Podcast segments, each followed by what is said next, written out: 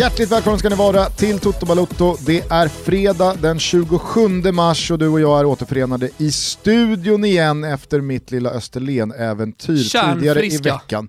Eh, vi eh, hörde att det var tyvärr lite tråkigheter med mitt ljud på micken. Ber om ursäkt för det några dagar eh, vi senare. Hade, vi hade plan B, backup. Mm. Alltid, man måste alltid ha backup när någon är borta. Ja. Eh, på tal om backup och reservplaner, vad man gör när det skiter sig. Vad tycker du nu att det börjar luta åt vad gäller, i synnerhet då Premier League, det är ju den liksom pausade ligan som det är mest diskussion kring, inte bara då för att det är Premier League och världens mest eh, uppmärksammade liga och flest supportrar utomlands och så vidare och så vidare, utan just för att det är en extrem situation med Liverpool och deras 25 poäng stora försprång till tvåan och resten av gängen. Ja, Vad som då ska hända med titeln. Ja. Eh, jag såg eh, fotbollsonsdag special i veckan på Simor eh, Olof Lund och Lasse Granqvist och så hoppade Pinitoro in mm. på Gugges eh, stol. Visst. Jag är tillbaka igen nästa vecka, mm. kan ni se mig igen. Ta det lugnt. Och då pratade de om, om det här... Om inte Toro har petat dig, det hade varit trevligt. Exakt, permitterat Gugge. Mm.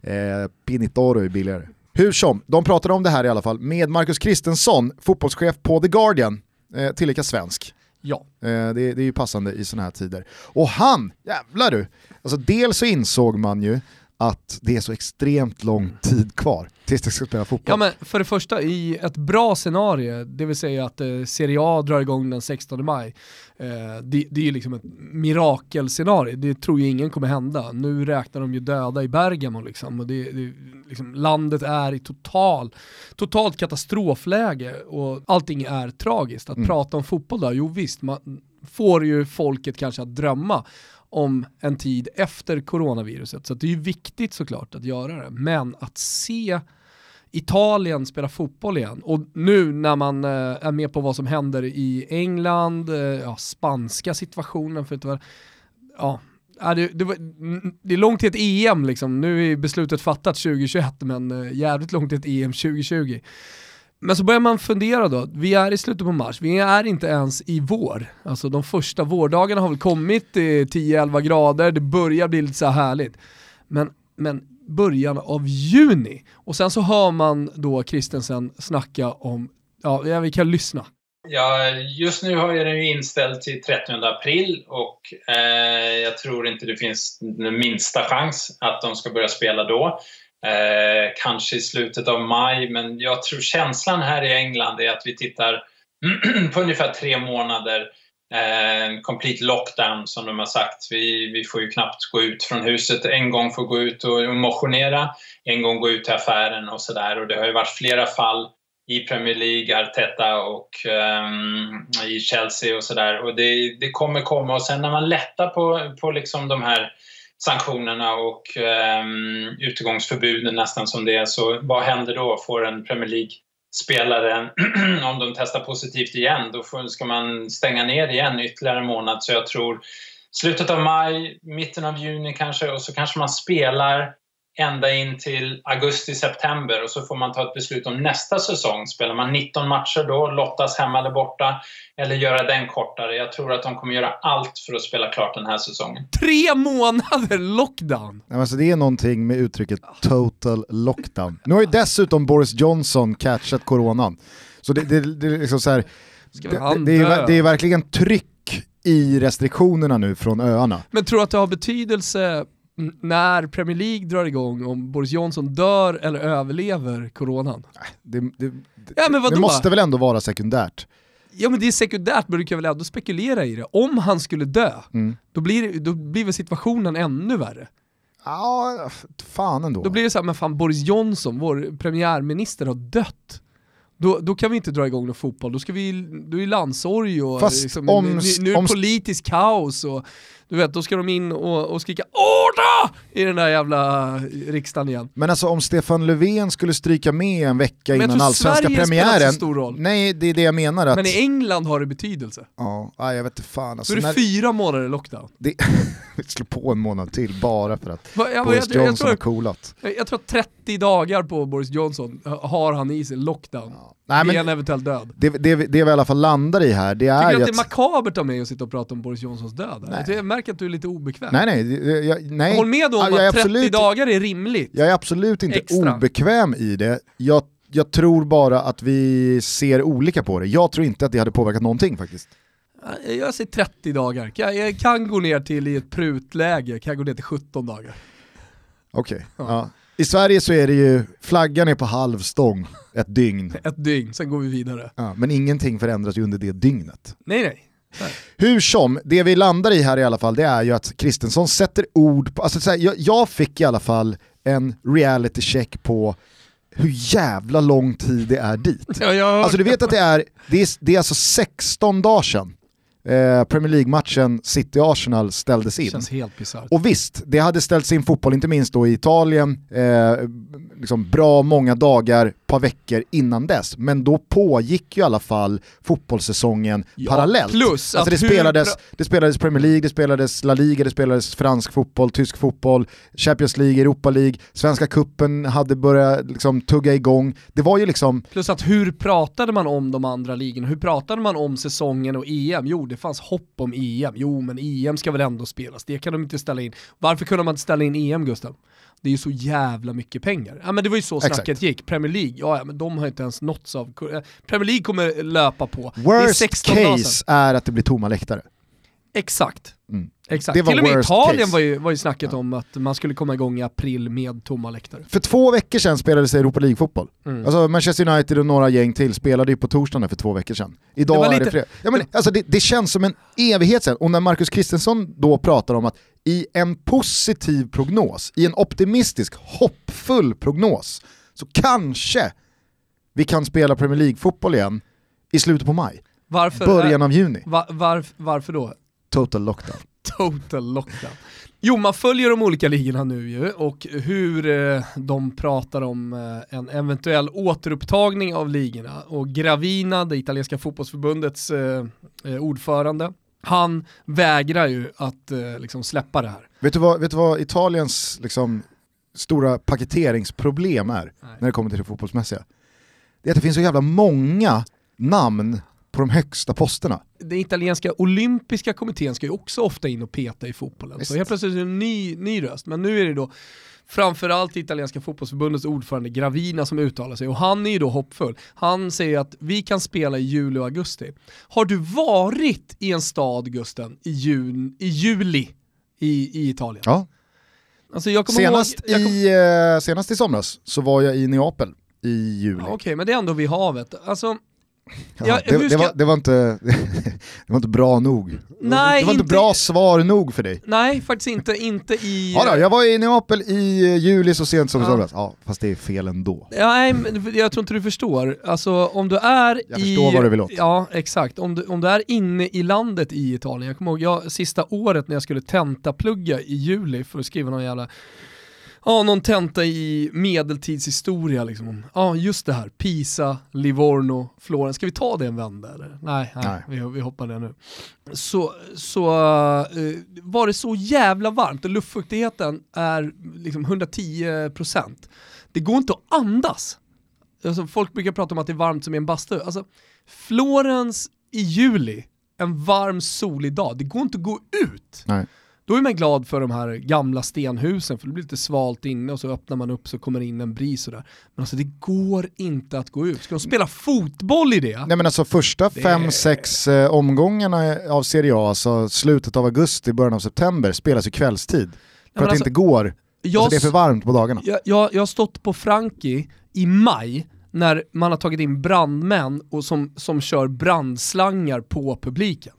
Där allt vatten är slut. Då mår inte Kurva Fiesole dåligt. när, När när de får ta av sig Nej. barbröstat och bara duschas av brandmännen. När min eh, numera karantänsittande pappa eh, var där i, under en sån match så höll han ju liksom på, på att stryka med för det var så jävla varmt. Det, så det blir ju en jävla kittel inne på de där arenorna. Mm. Och så där, så, hur ska de spela fotboll? Det går ju inte. Förstå hur varmt det måste vara nere i de där vallgravsplatserna på Frankie. Allra, allra längst ner, alltså de platserna som är under plan, där man inte det- ser grässtråna. Men alltså, du, du, har- ju platser också i, i mikro. hörnerna. Alltså till exempel i borta sektionen, men liksom så här hörnorna, där du inte ser hela planen. Mm. Så otroligt svaga platser. Mm. Eh, men eh, jag, jag, jag, jag har svårt att se det just. Jag har svårt att se den här säsongen med tanke på hur läget är just nu. Med tanke på det du säger, vad pratade vi om för 16 dagar sedan? Jag tror att vi kommer garva åt att man försökte återuppta ligorna när vi närmar oss sommaren. Och det är ju deppigt att säga. Man försöker ju liksom skjuta de här deppiga tankarna bort. Man vill ju bli av med dem. Och istället, då pratar Gravina om att ah, men då kör vi playoff playoff om att, eh, playout blir det alltså mm. om att åka ur, playoff och eh, finalspel om mm, liksom, vem som ska vinna ligan. Minigruppspel. Minigruppspel, och då finns det ju de som är emot det. Eh, Scudetton kommer ju inte väga lika tungt såklart, den som vinner den kommer ju alltid bli liksom, en quasi-scudetto. Alltså, vet, du, vet, vet du vad det ironiska är med Italien? Nej. Det är inte många ligatitlar här nu på 2000-talet som väger någonting. det, det är helt det är sjukt. Det, det är inte, inte en ligatitel som väger någonting sen typ Romas 2001. det är bara massa jävla asterisker och eh, Calciopoli och det är liksom eh, Milan-kriser hit och Inter-kriser ja, men Det är Calcio Scomesse och det är Calciopoli och det är eh, liksom skrivbordstitlar ja. och det är fusk eh, och det är Milans mål som var en halv meter inne. Alltså, Finns ja. inte en ligatitel kvar som Finns väger någonting. Finns inte en ligatitel kvar som väger någonting. Ja, vi får väl helt enkelt se hur de löser det i Italien. Det jag skulle i alla fall komma till var din åsikt här nu då i frågan Liverpool och deras ligatitel. För bara för någon vecka sedan, för två veckor sedan var det ju inget snack, den här säsongen kommer att spelas klart, eh, det, det blir något uppehåll på någon vecka, Game Week 32 eller 30 eller vilken det nu var, 31, nej äh, 30 var det, ska rulla igång här 4 april, det är ingen fara på taket, oj nu pushas EM då, men då finns det ju hur goda möjligheter som helst att spela klart den här säsongen och så vidare. Och sen så hör man Marcus Kristensson som pratade om att äh, men, i den bästa av världar så kommer vi igång igen i eh, juni, men vad händer då ska med nästa säsong? Dag? Ja men exakt, nästa säsong ska ju rulla igång någon gång och blir det då att eh, man ska spela en rak serie med bara 19 matcher och man ska lotta hemma borta och så vidare. och så vidare. Det här blir ju ett jävla pussel att få ihop. Nu är det ju då en upptrappad diskussion vad som händer då med Premier League-tabellen. Alla är överens om att ja, men vi kan inte hålla på att skicka ur lag eh, utan att ha spelat färdigt. Dels så har vi då vilka har mött eh, tuffare motstånd och vilka har mött lättare motstånd. Aston Villa i det här fallet, ja, men de har en match mindre spelade än bottenkollegorna. Säger sig självt, då kan man inte hålla på att skicka ur något lag. Men ska man, ska man liksom pausa och stryka deras säsong men ändå ge en ligatitel till Liverpool. Det går ju inte heller. Så nu var Leeds äntligen på väg upp. Vad händer då? Jo, då skickar man inte ut några lag och man skickar inte upp några lag. Nej men ingenting är ju bestämt. Det, det, det, det hoppas jag alla Kommer som lyssnar på det någonsin bestämmas Nej, vad, vad, vad, tycker du? Alltså Liverpools, alltså för första, Liverpools ligatitel. För det första, minst problem ja. borde man ju ha beslut om ligatiteln för att den är ju redan vunnen av Liverpool. Alltså vi behöver inte hålla på så här, så ge titeln till Liverpool, alla är med på det. Vem är inte med på det? Jag är fan inte med på det. Varför inte? För då blir de kan ju inte choka, det går ju inte att förlora den här ligatiteln. Vad är de, två matcher ifrån att vinna den? Efter första avsnittet Quisaleta så tror jag på alla typer av choke. Eh, pass. Pass. Pass. Vad fan, eh, vad heter han? Eh, pass. Pass. Eh, Peruzzi. Ja men Nej, sluta! Sorry. Eh, pass. Det går, det går att springa in i väggen Nej, fullständigt. Men, men alltså så här, det är en no-brainer. Så, ja, visst, Liverpool de får titta. För mig är det en no-brainer. Men sen är ju resten, hur hanterar man Champions League-platser? Kanske är det då u, u, utspel så att säga. Kanske är det då den italienska modellen med playoff och playout som är den bästa. Vi vet ju att de sämsta lagen i botten av Premier League är de sämsta lagen. De förtjänar att åka ur. Ja, de förtjänar i alla fall att ja, de, slåss om det. Ja, men de får slåss om det. Mm. Ni förtjänar allihopa att åka ur för ni är så jävla kassa, men ni får slåss om det. Samma med Champions League-platserna. Vad är det, ner till typ... Eh, Arsenal. Ja, ner till Arsenal. Ni, ni förtjänar att slåss om eh, Europaplatserna. Och så gör ni playoff. Det är mest rättvist tycker jag. Mm. Ja, jag det är i alla fall mer rättvist än att bara stänga det här där vi är just nu, tycker jag. Alltså, jag, vet, jag tycker ju samtidigt att det finns något jävligt orent i att göra olika i olika ändar av tabellen.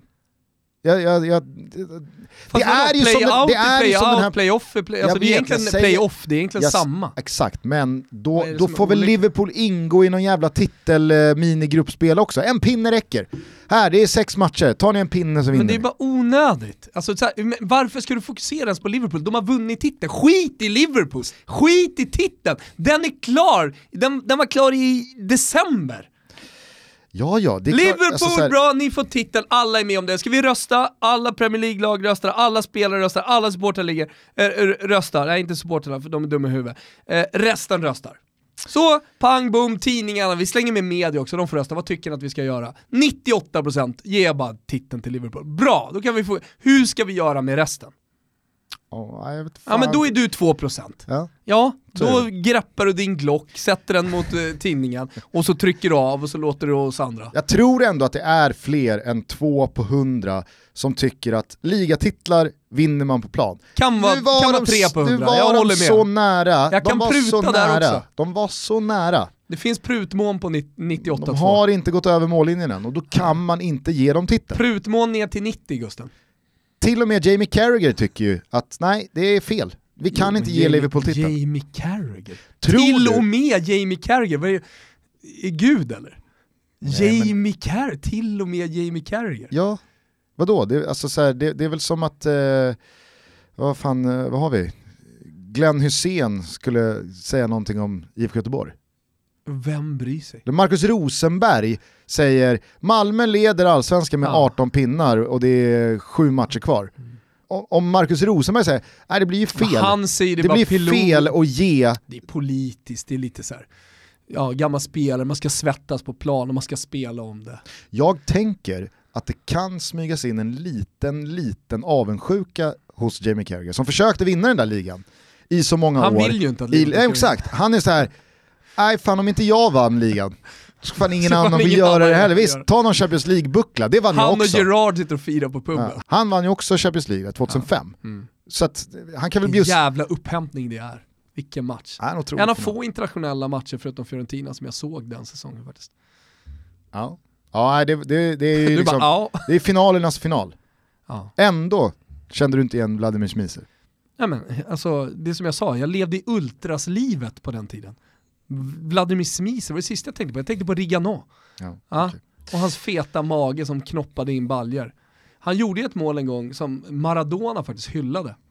Kom ihåg det. Det var i Corriere dello Sport, det kom inte i den här jävla quizaleta, det fick man inte svara på. Vem har sagt det här citatet om Cristiano Rigano? Han hade satt dirren. Mm. Ringde en gång in, det var så här supporter, eh, supporter fick ringa in till redaktionen, så hade de tagit dit Cristiano Rigano. Så ringde jag in och så, han förstod inte vad jag sa, jag hade bara varit i Italien en månad och så försökte då på italienska berätta. Men det kom ändå med i tidningen dagen efter. Så, och till och med en supporter från Sverige. Jag tror att jag sa att jag bodde i Florens, men det hade de missuppfattat. Sen hittade de bara på mina frågor.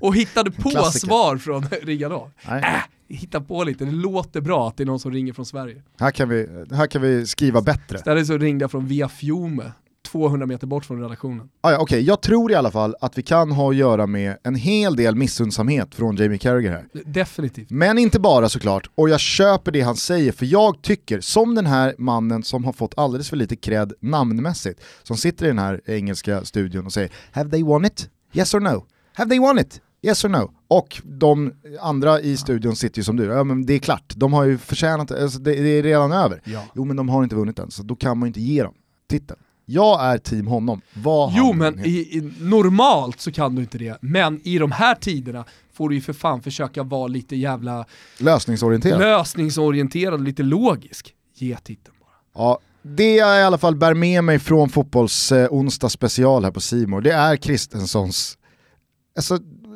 jag, vet inte, det var som att han, det var som att han drog ner brallorna på en och var så här, ja, ni fattar väl att det är liksom, i bästa fall, så pratar vi juni, så kollar man kalendern, 27 mars, april, april och maj Och kvar. så, och så börjar du kolla tillbaka lite, 16 dagar har vi varit utan Premier League och Satt europeisk alltså fotboll. och kikade Liverpool Atletico Madrid i en Champions League åttondelsfinal för två veckor sedan. Ja. Och det känns som en jävla evighet sen. Ja. Ja, det är otroligt. Alltså. Och så, nu pratas det ju väldigt mycket om den här matchen mellan eh, Atalanta och Valencia också. Det beskrivs av en italiensk forskare som en biologisk bomb på San Siro, 40 000, 50 000 på läktarna. Och det var nästan som man då kunde ta på viruset. Viruset blev nästan fysiskt för att det var så mycket virus i luften. Och från San Siro då så spreds det ut över Italien, in i Spanien, alla blev sjuka. Men till och med, alltså, till och med spelare i Valencia blev ju, blev, ju, blev ju sjuka för att viruset levde verkligen där inne i virusgrytan på San Siro. Nästan som man lust att liksom kolla tillbaka på den här matchen. Det var ju sån eufori också bland supportrarna. Alltså, säg att det var 47 000 eh, Atalanta-supportrar där från Bergamo. Alla hånglade, kramades, låg på varandra och drack öl. Det, det, det, ska, ju, det ska ju gudarna veta. Mm. De gillar ju att kröka från, eh, från Bergamo och Verona där uppe i norra Italien. Så att det liksom, bägare flög liksom, efter och innan matchen. Och största stund i klubbens historia. Många måljubel. Alltså, Exakt, det, var inte, det, var inte, det var inte 1-0 i nionde och sen så liksom höll de tätt och vann med 1-0. Italien, italienarna är ju inte lite fysiska normalt sett, du kan ju tänka där. Alltså, eh, folk, folk tog ju varandra på könen på läktarna för de visste inte hur de skulle ta vägen. Det är väl i sig ingen smitto... Alltså det är väl ingen... Tegnell har väl inte så undvik att ta på varandras kön i onödan. Kön är väl alltid liksom en smittokälla? Värre än allt annat? Inte i det här fallet tror jag. Okay. Inte i det här fallet. Ah, ja, jag tycker i alla fall att ni ska kika in på Fotbollsonsdag special. Ligger på Simor eller eh, man hittar dit via Fotbollskanalen och så vidare. Jättebra, informativt från veckan, bra gäster utöver Marcus Kristensson, Mats Enqvist och så vidare. Pratar lite svensk fotboll, ekonomi, vad händer? Ja, vad händer Gusten? Ja, herregud, vad händer? Jag vet inte. Jag, jag såg i alla fall att eh, fler och fler klubbar eh, följer efter de eh, initiala klubbarna och eh, permitterar sin personal, inklusive då spelare. Mm. Eh, men jag ser även att supportrarna öppnar upp sina hjärtan och Precis stöttar som, på mm. alla sätt de kan. IFK Göteborg har fått någon slags eh, superlavin vad gäller nya medlemmar, man toppar just nu. Alltså, det är ju, det är ju, är det kärnan av, av allting? Det vi håller på med. Det som sker i, i ett sånt läge.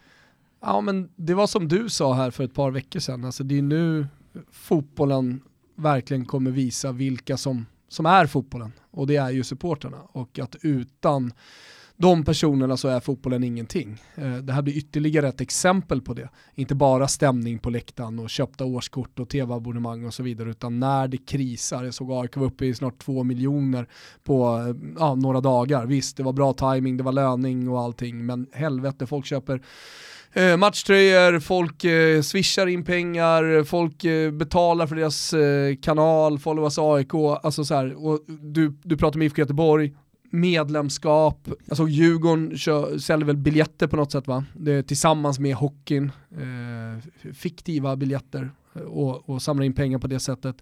Eh, kreativa är man också, supporterna tillsammans med klubbarna i det här läget. Så att, eh, det, det, det, är återigen en, en jävla utbankad kalvschnitzel till, till hela supporterverksamheten. Mm. Inte så mycket schnitzel till all form av kreativitet dock, Nej. som sker de här tiderna. Det är många idéer som aldrig borde ha nått sociala medier. Och då, då, äh, men, visst, supportrarna har väl sin beskärda del i det också.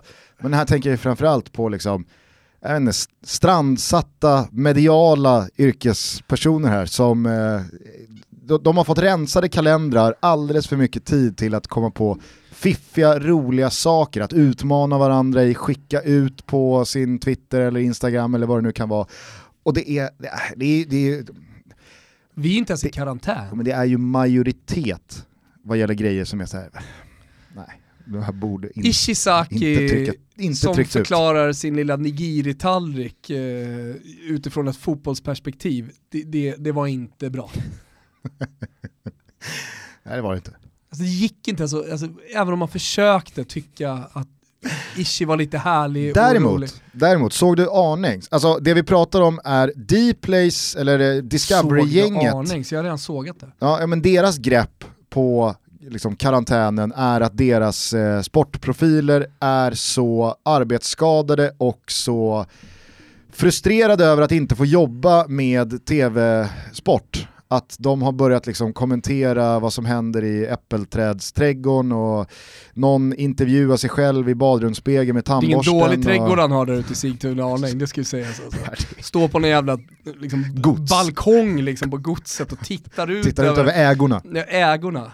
Han skulle kunna ha en äppelfabrik liksom bara i träden där. Det är, liksom, Han är så rik Arne! mindre baron, om ja, vi ser det. ja. Men det var det jag skulle komma till Arne. Hästspermbaronen. Ja. Det är ingen dålig skådespelare. Alltså han har någonting i liksom, sitt, sitt skådespel. Det har han alltid haft. Han har alltid varit jävligt bra på att hålla masken aning Mm. i liksom så här puffar, när man ska få en fråga som han, liksom så här, 30 sekunder innan kameran börjar rulla, Mm. så har han idiotförklarat liksom den som har, oftast då John Witt, superproducent John Witt.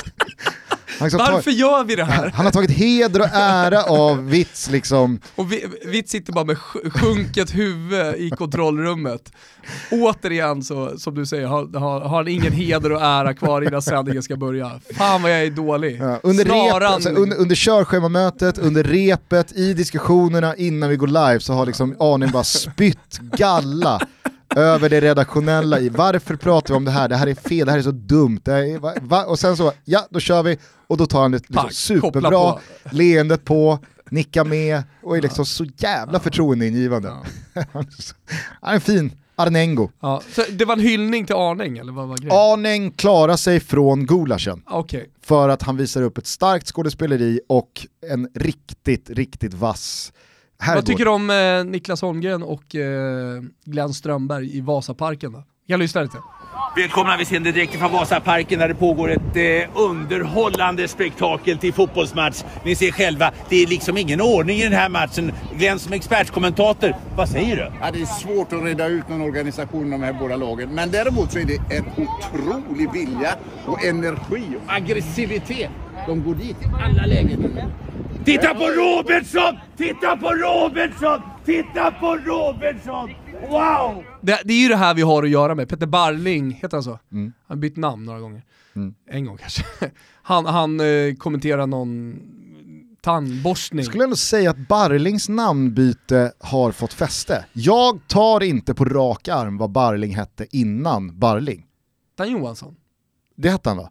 Jag vet inte. Nej men eh, Hette Johansson? Johansson är Jag ju, tänker att han hette det. det är ju ens första svar, men man Mm. blir ju osäker. Det är ju inte Claes Åkesson. Nej. Alltså, Åkesson-ränderna gick ju aldrig ur Nej. under den där Nej, märkliga Runheim-perioden. Nej, är han tillbaka på Åkesson nu? Exakt. Ja. Och så har du... Eh, Annars, annars ska man försöka att inte byta namn, tycker jag är någon slags grundregel man ska ha i livet. ja, Leonard Jägerskiöld Nilssons namnbyte. In, har inte etablerats. Vad, vad har hänt där då? Han har gift sig och tagit tjejens namn. Men han har ju, han, alltså, Det har även Ge- Patrik Sjögren. Visst hette han så på Sportbladet? du menar bränning? Exakt. Ja, exakt. Eller har han lämnat bränning? Nej, Är han, Bränning han nya? lämnade Sjögren, Patrik Sjögren, till Bränning. Satt sig en del. Eller bra. Ja, den, den har satt sig ordentligt. Fast jag Det sa ändå trodde Patrik man inte. Sjögren. Ja, det gjorde det visserligen. Men, eh, nej, men den har satt sig bra.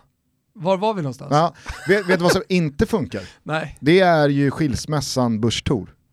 Niklas heter nu bara Niklas Busch. Nej, den, Det, han, alltså, han tappade fem centimeter. han behöver ju, alltså, ja, jag vet inte. Mm. Eb, eller heter han Niklas Thor? Eh, Jag tror att det här har varit en fråga i Alla mot alla. Ebba Busch? Ja. Ebba Busch? ja. Vet Niklas. Thor? Ja, den är svår. Men slående hur många som har bytt namn. Även fast grundregeln för alla borde vara att inte byta namn. Så det är slående hur många som har bytt namn. Av, eh, av alla. Du har ju alltså Erik Berg, där har det verkligen satt sig. Ja, och det har faktiskt satt sig. Det, Det- det aldrig. tog några Erik Johansson. veckor. Ja. Och så skojade man Det lite var om också det. Johansson, ingen vill heta Johansson. Tror att det är Sveriges vanligaste efternamn och så har de liksom levt med alla. Men, men det man inte gillar och därför grundregeln bör vara att inte byta namn. Det Jag är ju för att man, en det, det, är ett försök, det, det är ett försök att vara speciell. Ja. Alltså man tycker någonting mer om sig själv. Jag är, jag är mer än en Johansson, tänkte ju Barling. Jag är inte en Johansson. Jag känner mig mer som ett speciellt efternamn. Ja, jo, så kan det nog vara. Mm. Ja, och det, jag vet inte, man kanske, man kanske lever jättemånga år i, alltså jag har ju, min, min, min pappa heter Karlsson. Mm. Så att en stor, alltså mi- mina farbröder och mina kusiner, då, de heter ju Karlsson. Och där, inställningen bland mina, Så din Som- tattarsläkt alltså, den är ju eh, så bred. Den går ju ut hela vägen till Hölö har jag hört. jajamän, Höle represent, Ja, hur som du, du vet, helst. så här, folk i din släkt vet inte ens att de är släkt med varandra. Det är så pass stort. Det är nog, det är nog fullt, fullt rimligt. Normalt menar du? Att man inte ens vet att man är släkt. Jag hade ju en Men tjej i a- mitt alltså fotbollslag, du inte alla- ens visste vem det var. Alla, alla som har liksom ett par kusiner har ju, alltså, någon, till slut så avgrenar det sig det där i tremänningar och sysslingar och pysslingar. Och, alltså, det till slut så måste du ju bara liksom ge upp. Nu flyter släktträdet fritt. Säg det till syrianerna. Ja, de, de sitter och nickar med nu. De nej. De sitter och nickar Full med. koll. Nej, det, det, det är väl klart att deras koll slutar någonstans också.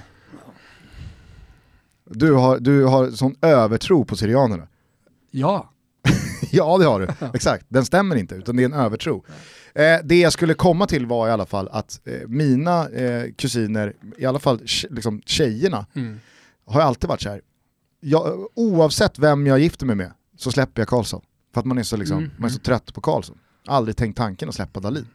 Men nu för tiden känns det ju nästan vanligare. Varför, varför fastnar jag? Det känns vanligare att männen byter namn än att kvinnorna byter namn vid eh, vigsel. Ja men det är väl fräscht, modernt, jämlikt. Ja, okej. Man visar att... Är det jämlikt? Ja det är det väl. Okej.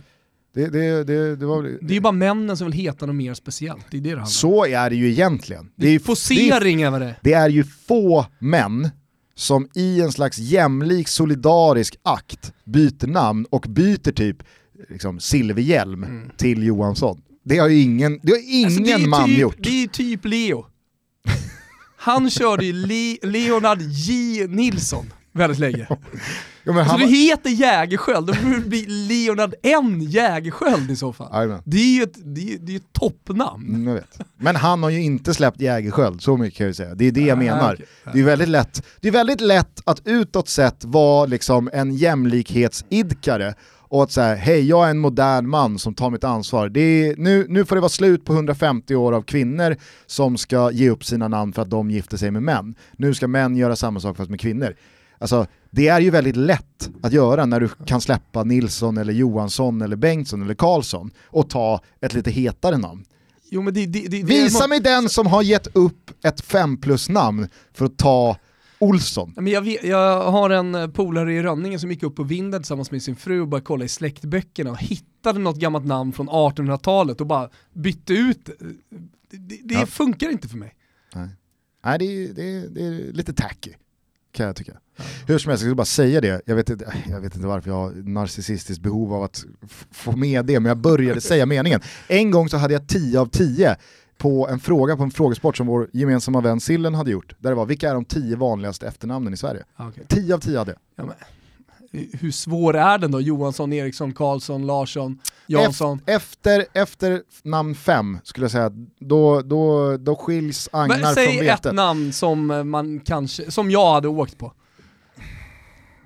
Alltså jag inte, Du jag, hade är- ju inte jag- 10 av 10. Jo, jag hade 10 av 10. Det kan- det kan- Jo men det, det låter ju på dig som att det var något svårt, alltså det var inte ett Eriksson som var tionde namnet så att säga på svårighetsskalan. Nej, men jag, jag tror ändå att, alltså, så här, alla får inte 10 av 10. Nej, okej. Det, det var ändå... Det var ändå Men såhär, Sjödin var nummer 10. Det hade jag inte tagit. Nej men det är det jag då undrar. är man ju sjuk i huvudet om man liksom... Ja men det är därför jag Sjödin. säger det. Ja. Ja, skitsamma. Skitsamma. Vi är denna vecka sponsrade av våra vänner på Stayhard och på stayhard.se så kan man precis som alltid flanera i deras eh, ja, nästintill oändliga utbud av riktiga toppmärken. Över 250 stycken finns i varumärkesportföljen, däribland Polo Ralph Lauren, Ledö, Napapirji, Calvin Klein, Tommy Hilfiger och Lylan Scott. Här skulle jag ju vilja säga någonting om Napapirji. Eftersom jag har bott länge i Italien och det är ett märke man ser väldigt mycket i just Italien. När jag kom dit så hade jag aldrig sett det tidigare. Just att ha den norska flaggan på så började jag ju undra varför springer alla ultras omkring i alla, men ni fattar, i, i norska flaggan. Vad är grejen? Jag trodde det var någon Florens eh, liksom, ja, historia. Men eh, så är det ju inte, det är, bara, det är bara ett coolt märke. Hörni, ni vet ju att det är otroligt smidigt och enkelt att handla på stayhard.se. Lägger man en order innan klockan 13 så får man sin beställning redan dagen efter. Mm. Otroligt. Ja men det är jättebra, det är ju faktiskt som att fysiskt shoppa. Eh, det är ju så nära man kan komma. Plus att det är en jävligt nice sajt, det är lätt att hitta det man söker. Man är ute efter en tröja, man är ute efter ett par brallor specifika så kan man filtrera sig ner. Och man kan såklart också filtrera efter varumärken om det är någonting som man vill ha. Ja, om inte detta utbud av pangmärken och smidigheten vad gäller beställning vore nog så erbjuder Stayhard just nu Toto Balutos Mm. lyssnare 20% rabatt på nästan allting.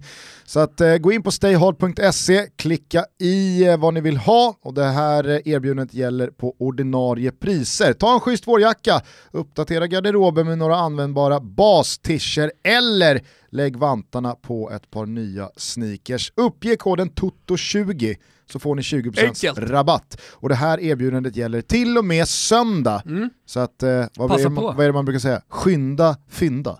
Stort tack till Stay Hard för att ni är med och möjliggör Toto Balotto. Ska vi ta varsin Never Forget-spelare? Jag tycker att det är dags. Mm. Du lovade i förra avsnittet att vi inte ska till Italien. Nej, det blir, ÖHT det blir dansk- överhuvudtaget. Det är dansk spelare idag. Som kanske har spelat Spelar i Köln, spelar mycket danska landslaget och så vidare. och Han är en sejour i Italien. han var en sejour i Italien. ja. Men jag håller vad jag lovar. Ja. Vem har fallit i glömska men eh, kvalar ändå in till kategorin spelare som vi inte får glömma har, bort? folk har redan gissat. Nej, det är inte Martin Jörgensen. Nej, det är inte Laudrup. Kröldrup. Kröldrup hade ju försökt, han förtjänar ju mer respekt. Ja. Efter den matchen, var då någonstans? På Allianz Just det, Arena. Bayern. Eh, Så förtjänar han respekt. Nej, det Jag är! såg, på tal om det, jag vet att jag har tagit upp väldigt många gånger i den här podden att nu får du fan, nu får du, nu får du lugna dig med den där offsiden mot Bayern München.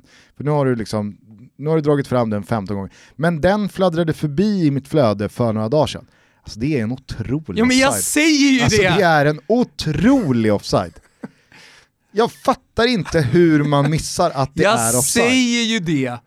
Alltså var ju Fiorentini uppe... Man ser ju på Ivica Olic att han så här, De firar ju inte ha, ens. har han missat? Ja, Har han missat offsiden?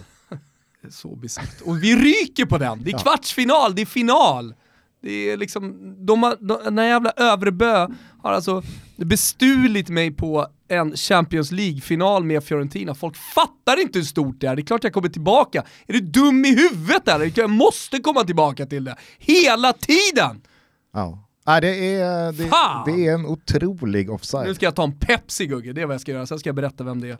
Vem det är jag eh, har valt in i, jag tänkte säga Hall of Fame, men ja. I vårt det never forget-gäng. Ja, exakt. Vem du har valt att återuppliva från de bortglömda. Ja.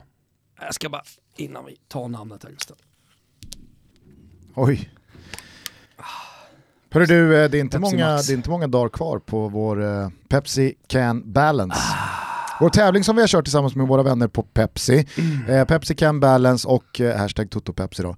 Vi tävlade initialt om en paketresa till Champions League-finalen i Istanbul, men sen så kom corona och ville annat.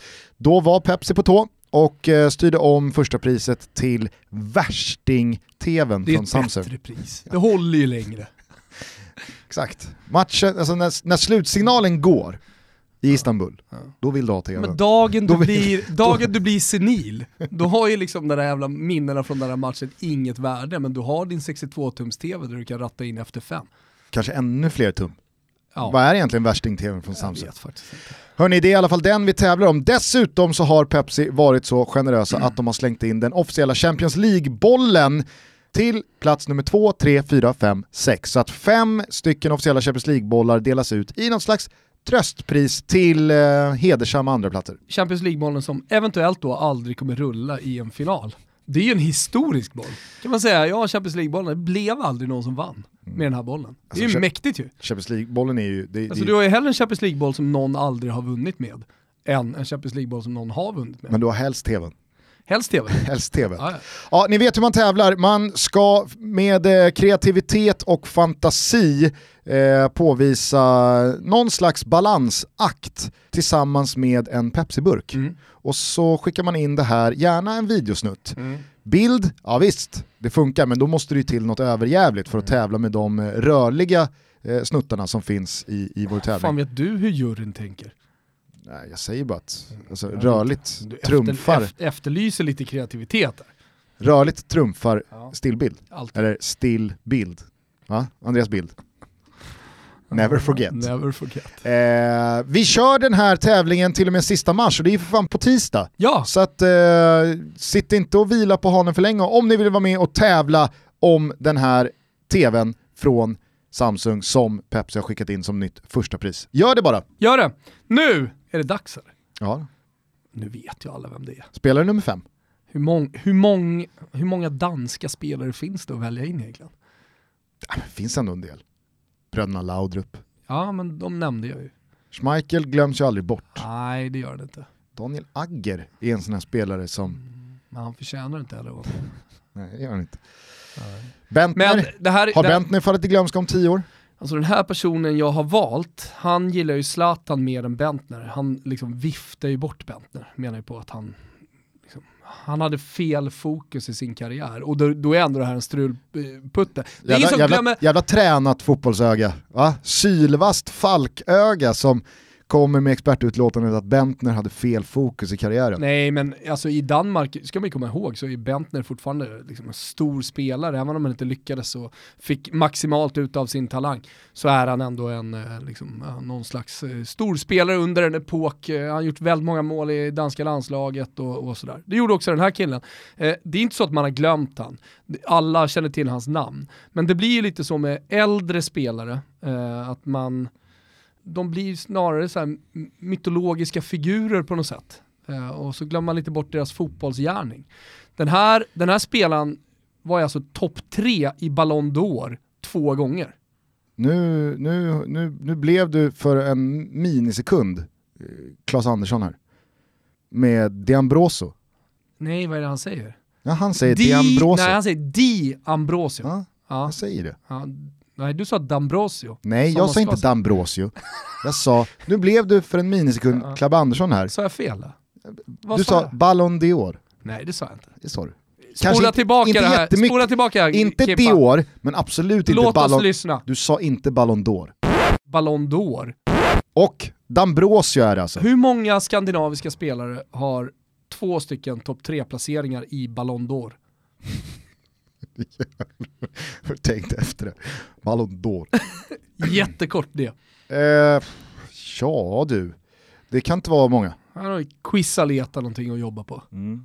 Nej men eh, jag tänker eh, Mikael Laudrup var väl där och högg någon gång. Ja det är möjligt. Men Zlatan eh, har, har han en topp fem?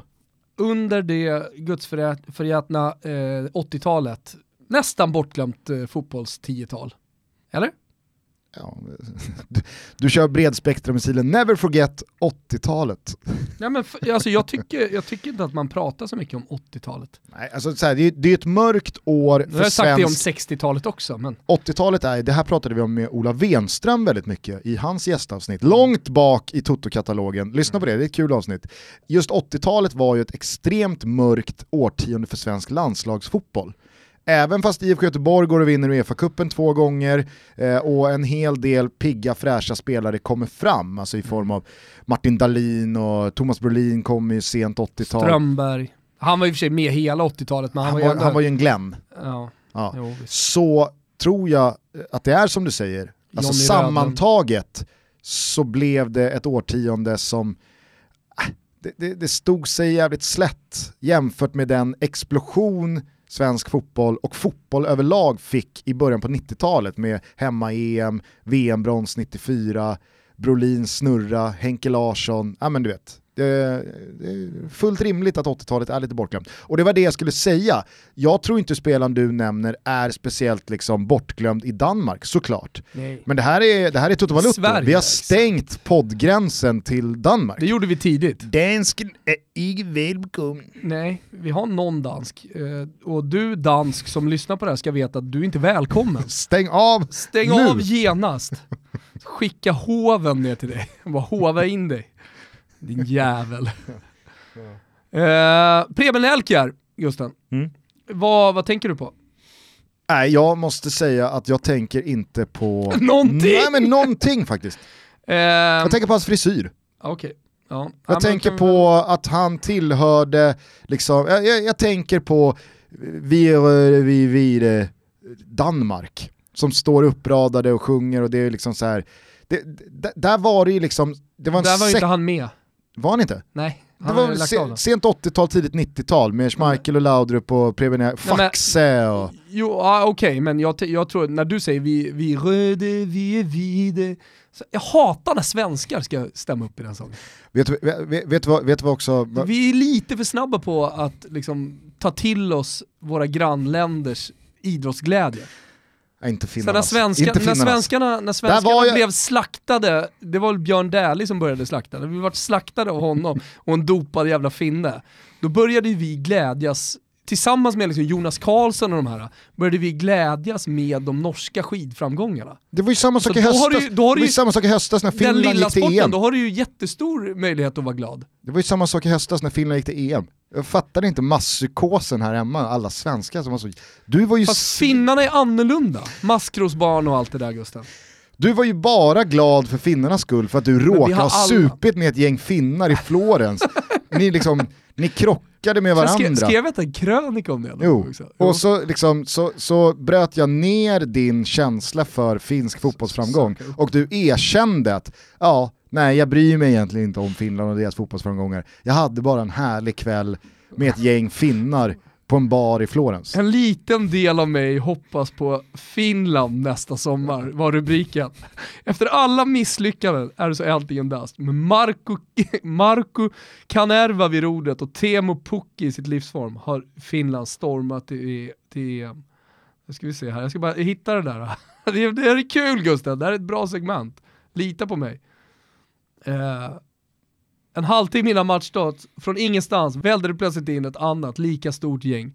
De såg ungefär ut som oss, de lät lika mycket, men hade andra färger. Någon hade skylt på Stendals syndrom för att dribbla bort sin respektive, vissa hade bara flytt kulturen för att under några timmar följa matchen som uppe vid polcirkeln fick nationer att stå stilla. De, alltså supa kan ju komma in där också. Mm. Komma bort och inte dricka Chianti-vin för ett litet tag. Och där stod vi tillsammans och jag såg när Sudden och gänget, det är väl det bästa svenska hockeylandslaget någonsin, vann med 2-1 tror jag. Framförallt så är det väl liksom, eh, det, det är ju, det är ett eh, filmiskt skrivet manus i den där OS-finalen. Ja. Att det är Forsberg som släpper den till Sudden, som släpper den till Lidström, som tjongar upp den i klykan. Ah, fina hockeytutto. Perkele, Tjongar upp den. Perkele var härliga de här finländarna då. Hyr in Samantha Fox och grejer. Nästa sommar kommer lite när jag hoppas på att Suomi får sig en liten tröstpoäng i slutändan. Det var en liten känga också.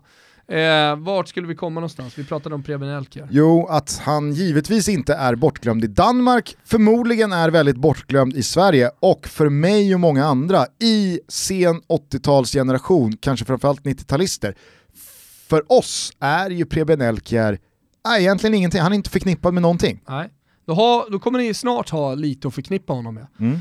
När han gick från Vällös till FC Köln bara 19 år gammal, han var ju till och med 18, då ska man inte vara kaxig. Alltså på slutet på, då pratar vi slutet på 70-talet. Eh, Han gick- Preben Elkjær han var alltså- född, Han var alltså inte 19. Preben Elkjær, ja, men jag har väl inte exakt vilket årtal han är född, jag läser mig till att han är kul- född det var den kul 11 formulerat. Han är född den 11 september 1957, behöver inte dra en 9-11 grej här. Och han, han gick alltså 1977 till, eh, till eh, Köln, så 20 bast var han. Men trots allt bara en tonåring. Och kommer man till Köln som utlänning, då vill det ju till att man fan gör jobbet, eller hur? Putsa skorna. På, i alla fall i slutet på 70-talet, nu är det väl ändrat. Nu får man väl liksom silkesvantar och en avsugning när man anländer. Liksom. Kontrollfråga, Ja. hur gammal var Preben Elker när han 20. gick till Köln? 20. Ja, 20. Ja, han var 20. Ja. Kom till Köln. Då eh, tränas Köln av Hans Hennes Weisweiler. Och det är klart att ingen, varför säger jag det? Jo, men han är ihågkommen som en jävligt hård Ja, tränare. jag skulle säga det, det Ja. låter som en penalist. Ja, ja. Av Guds nåde. Hans Hennes Weisweiler, han var, han var en riktig jävla penalist. Han fick ju då nys om att Preben var ute på eh, nattklubbar lite för mycket. Att han inte kom, liksom, stank sprit när han kom på, till tränings, eh, träningsplanen. Så han frågar honom, jag har hört att du stod med en flaska whisky på någon trött nattklubb där i, i Köln. Då svarar ju Elker, så man förstår vad det är för person vi har att göra med. Det är lögn. Det var två unga tjejer jag stod med och en flaska vodka. Ah, vad säger, nu har du någonting att säga om Preben Elker. Mm. Han var alltså en riktig dansk. Gillade det ljuva livet förutom att spela fotboll. Gillade också att sätta sig upp mot penalister som Weisweiler. Mm. Mm. Det låter danskt. Hårdhudad. Ja, ja verkligen hårdhudad. Kaxig. Ja, det, det var han sannerligen. Eh, Ja, jag söp igår. Har du något problem med Har du, det? har du något problem med det? Och det är klart att Weisweiler hade problem med det. Karriären tog sig vidare till Lokeren. Och då befinner vi oss i? Belgien. Jajamensan. Det blev 98 mål på 190 matcher. Och då tänker man, där stod han på toppen av sin karriär. Det var i Lokeren man liksom minns han ifrån. För på den tiden, På det då var ju målsnittet- liksom Anderlecht och de här klubbarna Ja. stora. Lokeren till och med var liksom en klubb att räkna med. Vet du vart svenskarna hamnade? Mechelen. Mechelen hamnade i Club Ingesson och gänget i. Episkt, Ja. episkt när Klas Ingessons agent... Finns Mechelen en kvar? eh, Finns de kvar? Ja, det tror jag. Det kanske finns kvar. Men episkt i alla fall när Klas Ingesson går till Mechelen och de i slutförhandlingarna på kontraktet eh, säger till sportchefen och, och tränaren där att ja, och så är Klas Ingesson en, eh, en av världens bästa straffskyttar. Så att han ska ta straffarna. Och Klas Ingesson har aldrig slagit en straff i hela sin karriär innan dess. Och sen så i första matchen så får Mechelen straff och han bombar in en ribba in. Ingen som tvivlade på Klabbes kunskaper från punkten. Såklart inte. Men du, det där målsnittet, 98 på 190, eller vad sa du? Mm. Det antyder ju att Preben Elkjær var en ganska så duktig anfallare. Ja, exakt. Han, eh, man ska försöka beskriva honom som var en dynamisk. Han var jävligt bra tekniskt, bra på att dribbla. Gav sig aldrig. Alltså den typen av anfallare vet jag att du gillar. Alltså en tappad boll, snabb återerövring. Sånt gillar man, eller hur? Mm. Inte anfallare, vad är motsatsen då till Preben Elkjær? Mario Balotelli. Blir Ja. av med bollen, hänger med huvudet. Slår ut med armarna. Ja, han, han var rivig, men också jävligt bra på att dribbla. Ska vi kanske säga eh, Firmino? Suarez? Ja, ja, åt det hållet. Det tycker jag. Ja. Och när vi minns då Preben Elkjær så ska vi också minnas ett av de mest underskattade landslagen som faktiskt har funnits där ute. Alltså Danmark tidigt 80-tal var ett brutalt landslag. Alltså när man ra- ska ranka då liksom stora landslag som aldrig vann någonting. Eh, Johan Cruyffs Holland på 70-talet, eller hur? Men direkt efter så följde då Preben Elkjær, Mikael Laudrup, Sören Lärbys, eh, Frank Arnesen och så Mårten Olsen då, som numera de flesta kommer ihåg som eh, dansk förbundskapten på 80-talet. De skapade fotbollsfeber. Och under storhetstiden så skrev någon, hur skulle du reagera om Jesus återuppstod på en husvägg i fotbollstokiga Köpenhamn. Hörru. Då, då var det ju fotbollsfeber för att det här landslaget det var, det var brutalt. Va? Nästa dag så hade någon klottrat dit, vi flyttar bara ut Elkjær på högerkanten. Så att det fanns lite fyndighet där. Men Ja. då förstår man. Eh, vad, vad, vad uträttade de då, tänker du, eller hur? Mm. Alltså så här, vadå, det var ett otroligt eh, liksom, danskt landslag.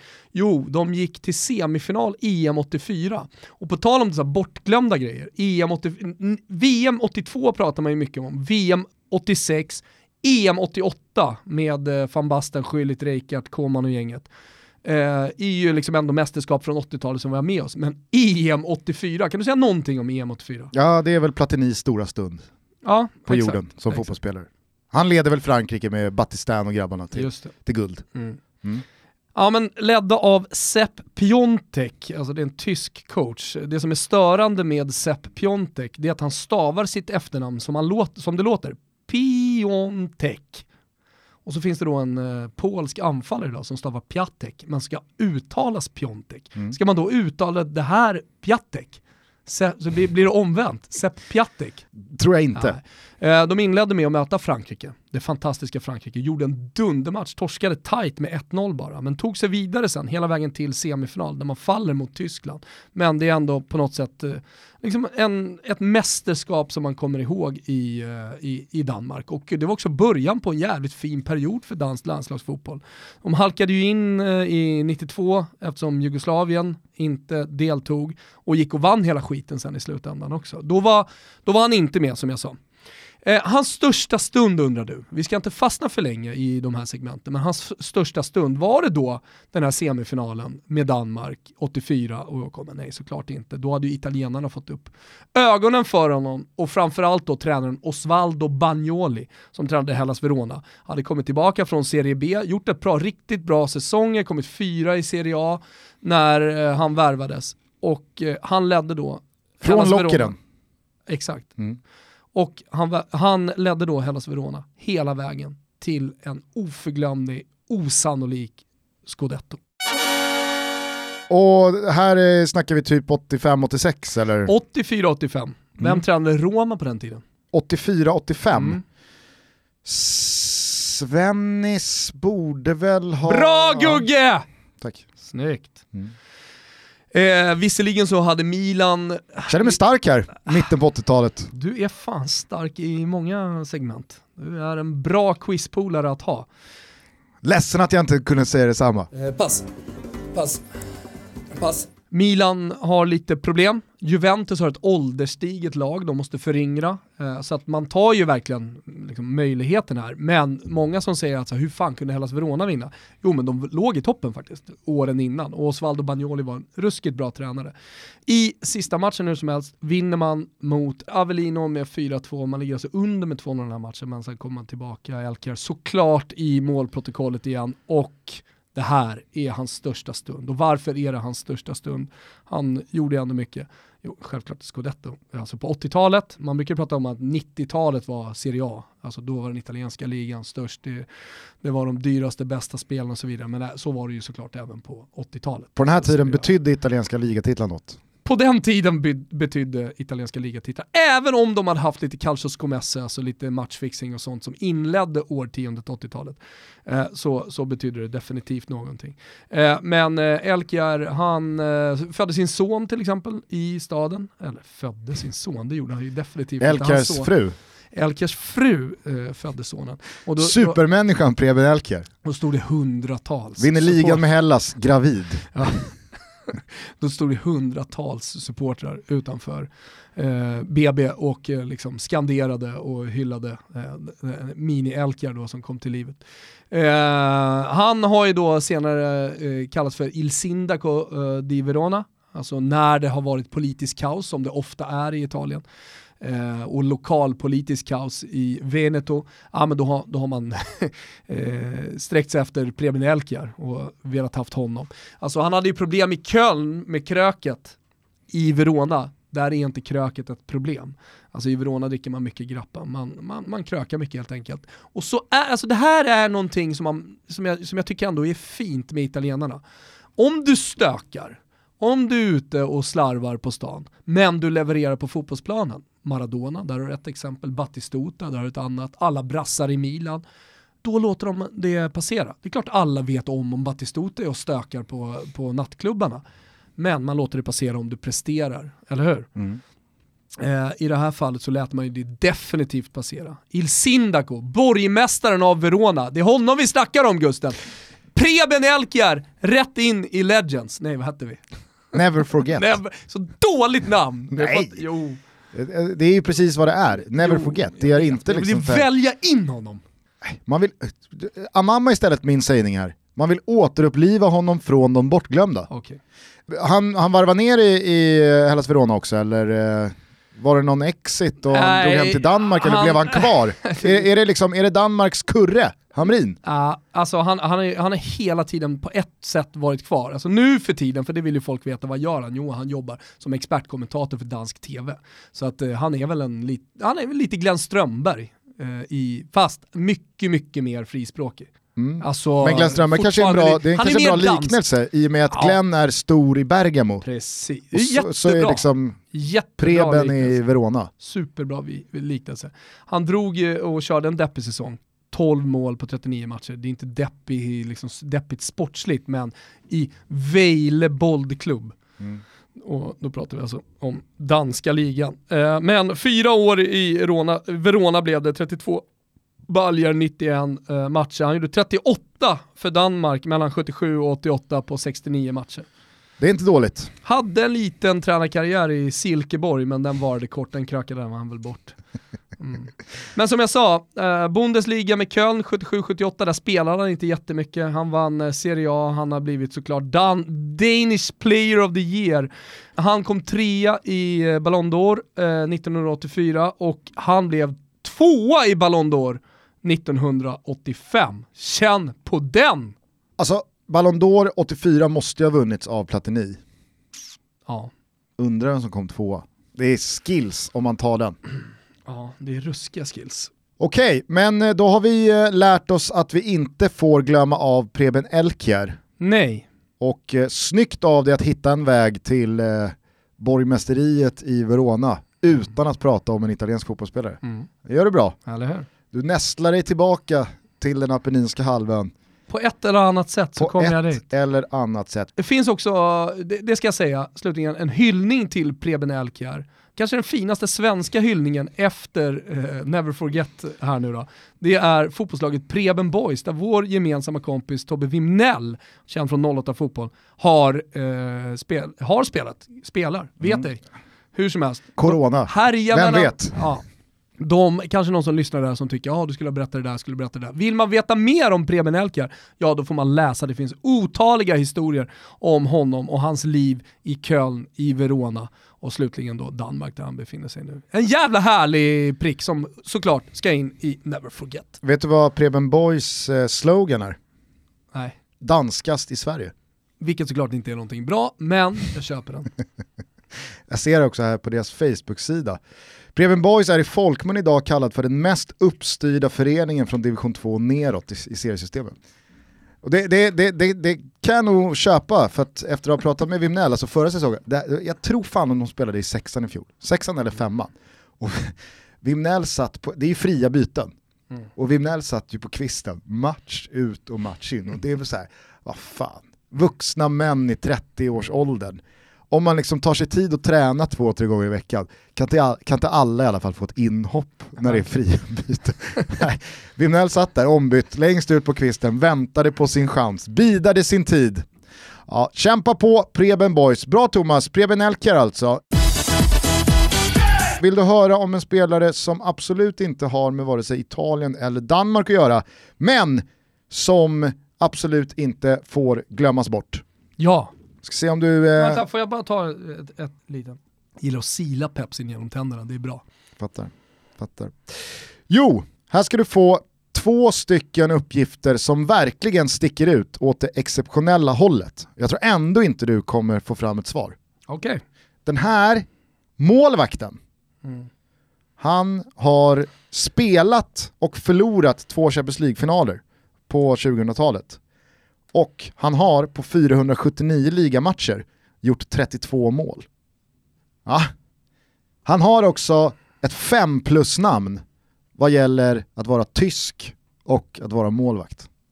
Alltså Oliver Kahn. Oliver Kahn gjorde väl inga 39 mål? Inte vet, vänta, vänta, vänta. Två Champions, europeiska Champions League-finaler. Mm. Och det är de han har spelat, han har dessutom en Champions League-final till tillhörande truppen, men då spelade han inte, satt på bänken. Du har valt en till målvakt alltså. Ja. Det, är, det, är- det, är, det är smått otroligt. Um, tänker, alltså, det är så sjukt att mina tankar går till italienska lag, jag tänker på Milan och så Dida. Han, Ehm, Dida har ju varit i Champions League-finaler och förlorat. Jo men alltså, Mm. förstår du hur många mål 32 ligamål är för en målvakt? Fabian Barthez. Alltså jag bara Tysk. slänger ur mig, ja tysk. Hans-Jörg Butt. Va? Och det är kul va, det är ett bra namn i sig, Hans-Jörg Butt. Han ska Butt. definitivt in i Never Forget, det är bra namn. Ja.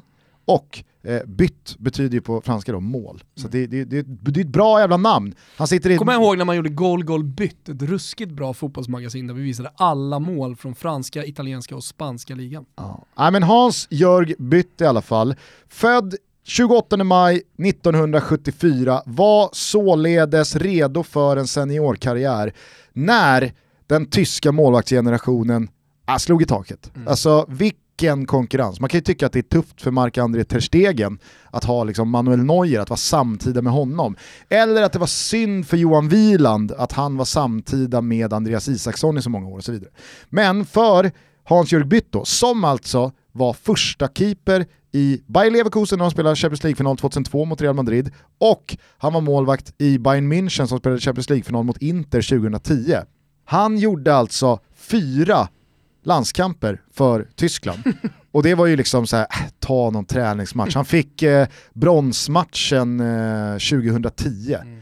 Men alltså, han kommer fram, ja, men då är det Köpke. Sen tar ju Kahn över totalt. Och sen mm. så är det ju Lehmann som Eh, Den jäveln ska också in. Tar över tronen när eh, Oliver Kahn abdikerar. Och precis när man tänker att nu jävlar finns det några år kvar, äh, då har Neuer kommit fram mm. eh, borta i Schalke och tagit över första spaden i landslaget. Så det blev ju inte mycket eh, landslagsfotboll för Hans-Jürg Butt, men under sina år i Hamburg och framförallt då Bayer Leverkusen så gjorde han ju starka avtryck med sina straffmål. Var en otrolig straffskytt. Mm. Tog alla straffar mm. i Hamburg och Bayer Leverkusen. Var ju lite mer seriöst kändes det som i Bayern München. Bayern München kan inte riktigt säga, vi kan inte låta keepern slå Nej. våra straffar.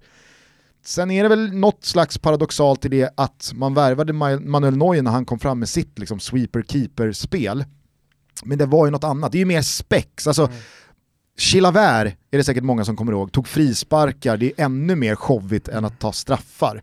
Eh, men det, det, det är ju mer sydamerikanskt att målvakterna tar straffar. Ja. Eh, kommer du ihåg när, eh, vad hette han då, eh, portugisiska keepern eh, som eh, tog straffarna mot England i EM. han tog av sig handskarna och han hette så mycket som Patricio hette han va? Och så tog han av sig handskarna, så han stod och tog Englands straffar utan målvaktshandskar. Och sen skickade han in sista straffen själv. Det var ju otroliga bilder, och de var så jävla sydamerikanska, eller far away. Så här, så här bedriver man inte fotboll i den uppstyrda kontinenten Europa. Eh, och Hans-Jörg Butt, han ser ut som den mest liksom, tyska tyska målvakten som finns. Mm. Så otroligt tysk och korrekt och eh, tröjan är instoppad och shortsen uppe vid naven. Och, och ändå gör mål, det blir något fri... paradoxalt i det. Exakt, strumporna är liksom perfekt vikta under knäskålarna och det är Copa Mundial på dojorna och det är inga liksom spexiga handskar i neonfärger och ingenting som sticker ut. Han är verkligen så han är, han är så välfriserad och tyskt korrekt man bara kan vara. Ändå så är han då straffskytt. Så han bombar in straff efter straff i både Hamburg och Leverkusen. Och då måste man ju säga då att han, han kanske pikar då, då med Bayer Leverkusen när de når den där Champions League-finalen i Skottland mot Real Madrid. När Zidane gör det där volleymålet. Det är alltså Hans-Jörg Butt som släpper in det, för att hämta ut det ur maskerna. Mm. Men att han då eh, lämnar Leverkusen, sticker iväg ett år till Benfica, hamnar bakom Quim, som är första keeper i Benfica at the time, kommer tillbaka, då tänker man nu är det över, han är 34 bast då. Nej, då så blir det en session i Bayern München och eh, tar ju Slags över... kröning på karriären känns det här. Nej, utan han signades ju som liksom en stabil tysk Bundesliga-keeper som ska jo, vara tvåa. Jag menar så här, kröning på karriären, så här, du har varit så bra så du får ett fett sista kontrakt med oss i Bayern München. Lyllos dig. Ja, kanske, men det var ju samtidigt, alltså, jag tror att det snarare är som typ, eh, alltså City har ju som tredje keeper har Scott Carson, eller Chelsea har Willy Caballero. Det har inte undgått någon. Nej, kanske inte. Men typ såhär, Willy Caballero. Ja. Att vi har lagt jättemycket pengar på unga Kepa Ritzabalaga, nu ska han vara första keeper, men det är alltid bra att ha någon som, han har stått sina 400 matcher i karriären, 500 matcher. Behövs han så slänger vi in han får stå någon kuppmatch här och där. Men Eh, Bayern München hade ju problem med sina keeprar innan Neuer liksom mm. sattes mm. från Schalke 2011 eller vad Eh, så att eh, Hans-Jörg Butt tog över första spaden även i Bayern München och var första valet i det där eh, Champions League-finalistlaget 2010. Eh, sen så var han ju då tvåa bakom Neuer två år senare när Bayern München var i ytterligare en Champions League-final hemma på Allianz Arena som han förlorade mot Chelsea. Så det är ändå sjukt egentligen, tycker jag, att en keeper med de meriterna, två Champions League-finaler har han nått fair and square på plan, ytterligare en Champions League-final på bänken och han har dessutom öst in mål från straffpunkten. Mm. Och det är ju ytterst få målvakter som har gjort mm. det. Fotbollsvärlden överhuvudtaget, Europa inte minst. Ändå, så, så här, har man ett ansikte på Hans Jygbutt? Nej. Nej, det har man inte. Ja, men eventuellt så har du uppenbarelsen med det korrekta instoppade och sådär, eller hur? Det, det har man väl från honom? Ja, jo. Ja. Visst. Men äh, jag tycker att äh, det Han är, han är det... varmt välkommen in i värmen, ja. det tycker jag. Vad hände sen då? Jo, han tackade för sig eh, 2012 och eh, förärades då med en åtråvärd position i Bayern Münchens ungdomsorganisation. Skulle ta över något U-lag där. Vad hände? Han hade ju grovt felbedömt arbetsbelastningen detta krävde. Så att eh, han sa upp sig själv efter tre veckor. I misjudged this field of activity for which I've had responsibility for a few weeks now. I approach my new appointment with great enthusiasm, but I have realized that the task does not offer the satisfaction and passion I wanted This is the reason for my decision. Så att uh, han kastade in handduken, det, han, det var ingen tränare. Han men skulle ändå, inte hålla på och alltså, kona upp det för junisarna. Nej, men om man nu ska summera hans karriär då och jämföra den med Preben Elkar. Preben Elkar som numera är hedersmedborgare i Verona. Supporterna står och skriker att han ska bli borgmästare. Finns, finns en jättefin film på YouTube, vi kanske kan lägga upp en snutt sen, när han får sitt hedersmedborgarskap. Sånt gillar jag. Mm. He, känn på namnet. Hedersmedborgare. Hed, hedersmedborgare i Verona. Ja fansen vill att du ska bli borgmästare. så jävla mäktiga grejer. Hör du, eh, Rökte i omklädningsrummet gjorde han. Sista grejen Tog bara två på... bloss precis innan han skulle ut på planen bara för att få i sig sista nikotinet. Så sprang han ut. Sista grejen bara med Hans Jörg. Hans fru heter ja. Katja. Jävla toppnamn, Katja Butt. ja det är det faktiskt. Katja Butt. Katja Butt, otroligt. Hans Jörg Butt och Preben Elkjær är spelare 5-6 invalda i Never Forget-ligan. Hörni, det har kommit in en eh, massa förslag på eh, låtar vi skulle kunna använda oss av för att skapa en jingel till inrikeskorrespondenten. Ingen jingel dock. man hatar ju inte intro till Pingu, skriver Johan Timan. Och det kan man ju säga, jag, nu, nu är inte jag någon Pingu-gubbe för jag hade inga barn då, jag var för gammal för att titta på det. Pingu är väl? Om du säger det så.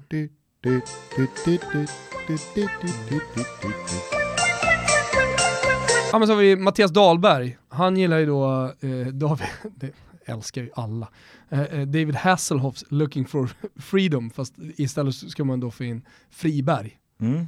And I've been looking for Friberg. Så skulle den gå. Smart. Ja. Bra förslag. Ja, mycket bra förslag. Men någon måste ju sätta sig och komponera ihop det här. Vi finns på totobalutta.gmail.com. Har man förslag på spel som ska in i Never Forget, ja då är man välkommen att mejla till oss. Mm. Kom även också med äh, gästförslag. Ja. Det finns tid till gästavsnitt och vi lovar att det blir ett gästavsnitt nästa vecka. Och för fan sluta med kukbilderna, vi är trötta på dem. Vad skulle du säga? Jo, jag tänker bara att superproducent Kim kan lägga in gingen för utrikeskorrespondenten så att ni hör den och mm. det är det här vi är ute efter ja, ja. fast för inrikeskorrespondent Erik Friberg. Ja. Så att folk fattar grejen. Ja.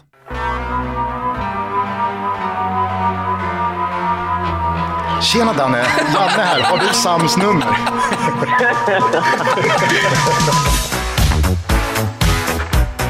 Larsson dunkar in 2-0.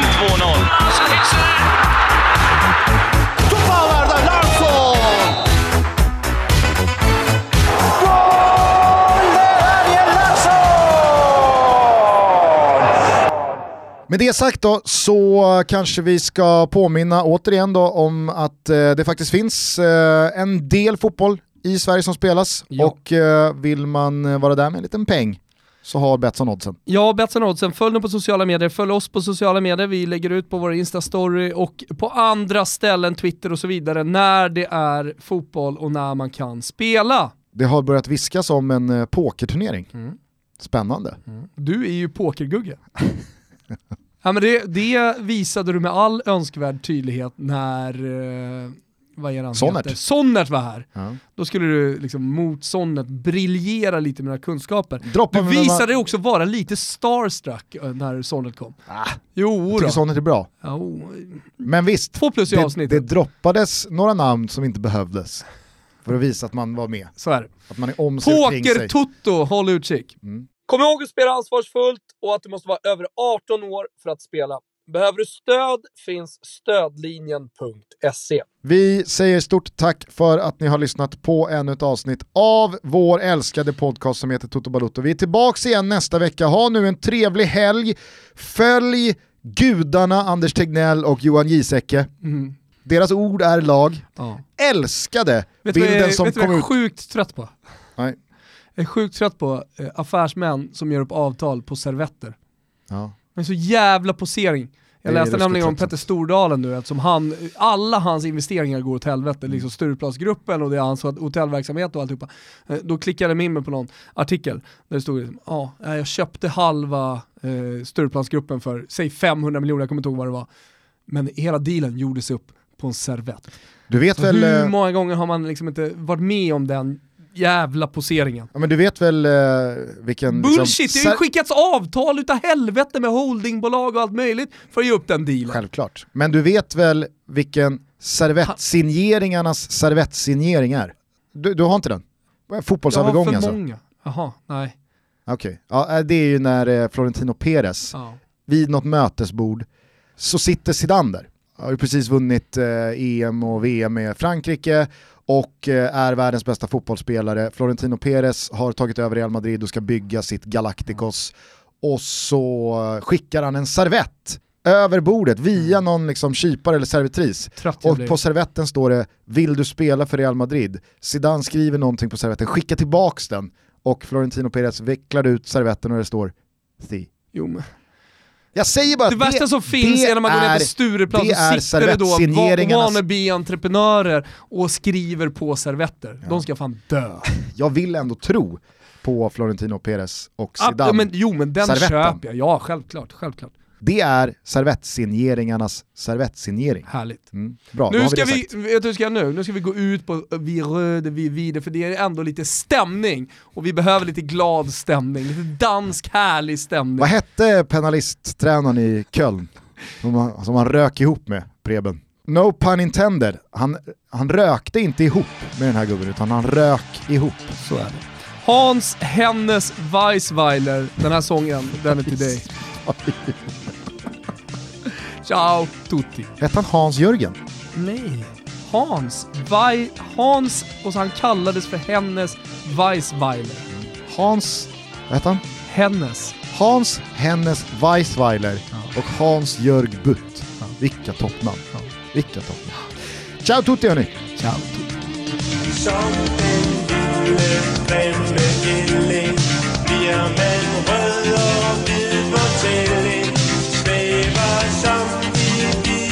trailer